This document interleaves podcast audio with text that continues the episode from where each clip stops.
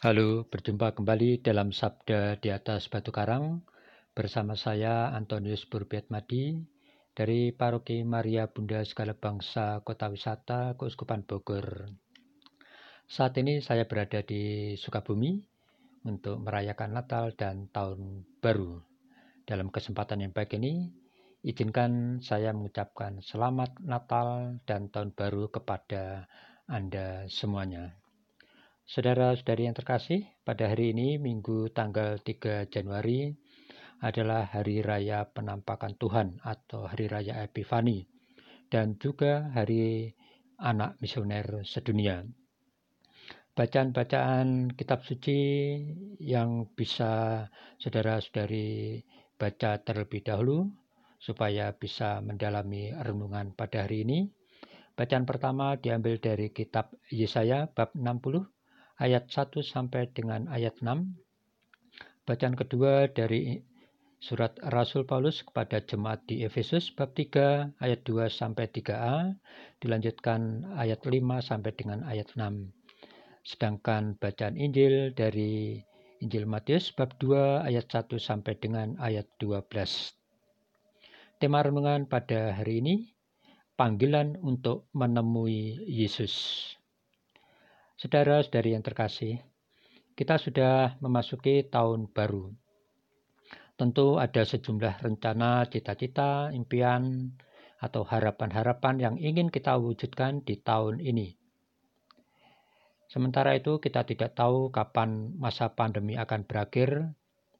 Namun, mari kita tetap optimis, penuh iman, dan berpengharapan akan penyertaan Allah. Saudara-saudari yang terkasih, bacaan Injil pada hari ini tentang perjalanan orang Majus dari timur, yakni Baltasar, Gaspar, dan Melchior, yang sedang mencari Yesus yang baru lahir. Menurut kisah-kisah yang ada, mereka adalah imam atau raja yang berpengaruh. Ada juga yang mengatakan bahwa mereka adalah orang-orang cerdik pandai yang memiliki keahlian perbintangan atau ilmu astronomi. Ketika mereka sedang mencari tempat di mana Yesus baru dilahirkan, mereka diberi petunjuk dengan bintang. Walau mereka ahli ilmu perbintangan, namun lokasi yang tepat yang ditunjukkan oleh bintang itu tidak bisa mereka ketemukan. Dan mereka pun ternyata mengalami kesulitan untuk menemukan dan membutuhkan informasi. Lalu mereka pun bertanya kepada Raja Herodes, semua imam dan para ahli Taurat. Saudara-saudari yang terkasih, apa kira-kira maksud dari ketiga orang majus itu yang jauh-jauh dari tempat tinggalnya untuk berjalan mencari Yesus. Kisah tiga orang majus itu tidak mengajak kita agar kita memiliki sikap iman untuk percaya bahwa Yesus adalah tanda yang memanggil kita untuk datang kepadanya. Yesus adalah tanda yang menjamin keselamatan hidup kekal bagi umat manusia. Dan tanda keselamatan itu harus kita miliki.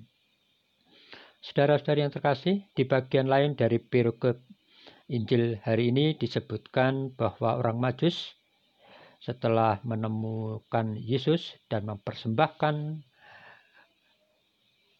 pada Yesus, mereka dihadapkan pada pilihan untuk mengikuti permintaan Herodes atau mengikuti bisikan malaikat Tuhan. Dalam hidup keseharian, kita pun juga sering menghadapi banyak pilihan. Mengandaikan jika orang Majus itu memilih mengikuti anjuran atau permintaan Herodes, maka mereka pun akan binasa. Namun, ternyata mereka mengikuti nasihat dan petunjuk Allah yang disampaikan oleh malaikatnya. Berkat kesetiaan mereka mengikuti petunjuk, rencana, dan kehendak Allah, maka mereka pun selamat.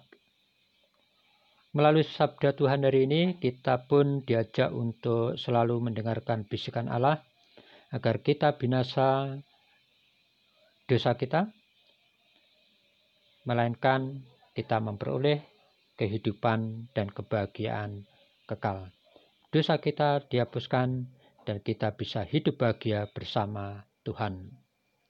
Saudara-saudari yang terkasih, Sekarang kita sudah menapaki tahun baru tahun 2021.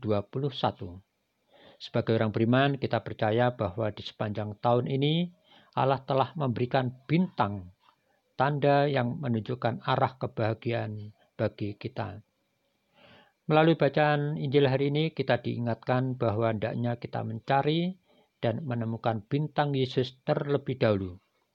Setelah bertemu Yesus, kita persembahkan diri kita kepadanya agar kita dibimbing ke jalan Tuhan, ke kehidupan yang bahagia, dan dihindarkan dari jalan-jalan Herodes yang menjurus kepada kematian kekal. Saudara-saudari yang terkasih, seperti orang majus kita diajak untuk menyadari pentingnya memilih bintang yang membimbing jalan menuju Yesus sebagai Raja dan mengikuti petunjuk serta rencana Allah agar kita beroleh keselamatan hidup. Jika kita selalu menemui Yesus, Sang Raja, dan terbuka hati untuk mengikuti petunjuk dan kehendak Allah, seperti Nabi Yesaya katakan dalam bacaan pertama, maka kita akan mengalami suatu kejutan atau surprise dari Allah.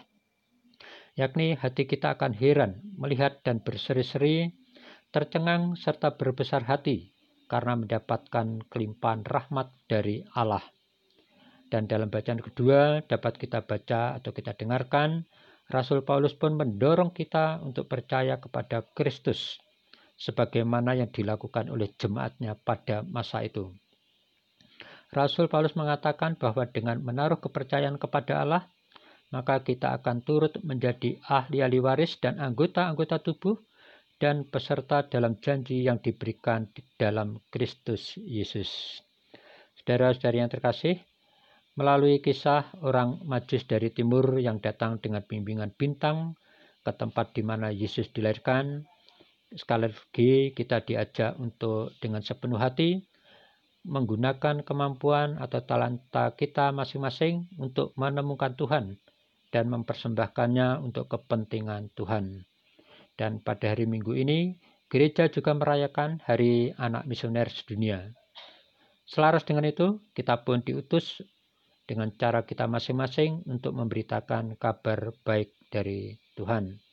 Saudara-saudara yang terkasih, semoga dengan perayaan Hari Raya Penampakan Tuhan, kita mau memperbarui hidup kita untuk berusaha menemukan Tuhan. Dan kita persembahkan diri kita untuk karya-karya misioner gereja.